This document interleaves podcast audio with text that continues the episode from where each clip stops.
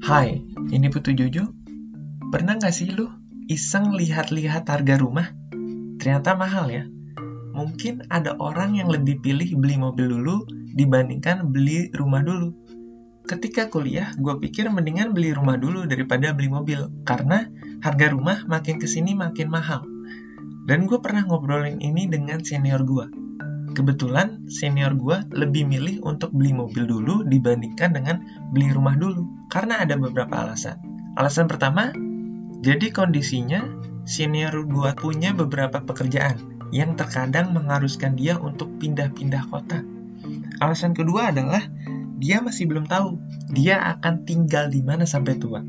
Sayang juga kan, kalau udah capek-capek nyicil rumah, ujung-ujungnya nggak jadi tinggal di sana. Dari situ gue pikir, beli rumah itu kebutuhan atau tuntutan sih sebenarnya.